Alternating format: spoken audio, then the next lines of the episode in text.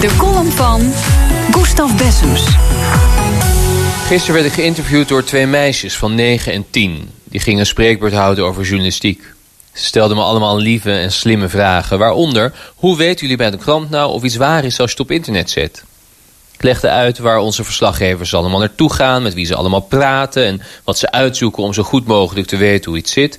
dat we dan natuurlijk nog steeds fouten kunnen maken... en dat je verschillend over zaken kan denken. Ze vertelde dat ze zelf vaak iets opzoeken op internet... maar dat soms op de ene website het een staat en op de andere het ander. Ja, dat ze dan maar kiezen wat het vaakste voorkomt. Ik zei dat ze later hopelijk zouden leren om zich af te vragen van wie een website is... en of ze die kunnen vertrouwen. En ik besefte weer hoe ongewapend onze kinderen opgroeien in een jungle van desinformatie. Van de week waren PVV-sympathisanten te gast bij Jeroen Pauw.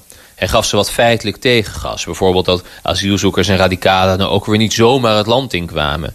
Het bleef krachteloos en zonder effect.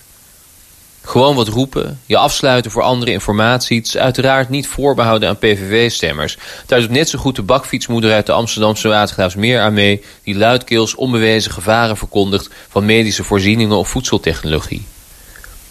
Journalisten moeten in deze tijd van Trump en zijn hetsen tegen een vrije pers... gewoon stug hun werk blijven doen, zegt Marty Barron, hoofdredacteur van de Washington Post... en held in de onderzoeksjournalistiek. We moeten de waarheid zo dicht benaderen als mogelijk, zei hij... en de machtige ter verantwoording roepen. Daar heeft hij wel gelijk in. Maar in een wereld waarin de pers door velen zelf als onbetrouwbare macht wordt gezien... waarin dat benaderen van de waarheid wordt opgevat als ook maar een mening... of zelfs als bedrog, is dat lang niet genoeg. We moeten onze kinderen van jongs af aan opvoeden met een begrip van de werking van media. Laten zien wat het onderscheid is tussen aan de ene kant feitelijke onjuistheden, interpretaties en troebele belangen, want ja, die zijn er allemaal. En aan de andere kant bewuste propaganda en laster. Doen we dat niet, dan zullen de gescheiden werkelijkheden waarin we nu al leven nooit meer bij elkaar komen. En dat is op den duur een recept voor haat en geweld. Het is misschien al te laat.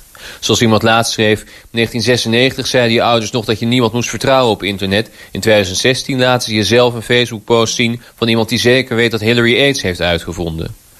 Kritisch denken, informatieverwerking, ze worden mondjesmaat op scholen behandeld... terwijl ze nodig zijn tegen een van de grootste bedreigingen van deze tijd. En dat zei Gustav Bessems en die op donderdag altijd columnist. Terug te lezen en te luisteren op bnr.nl en de BNR-app.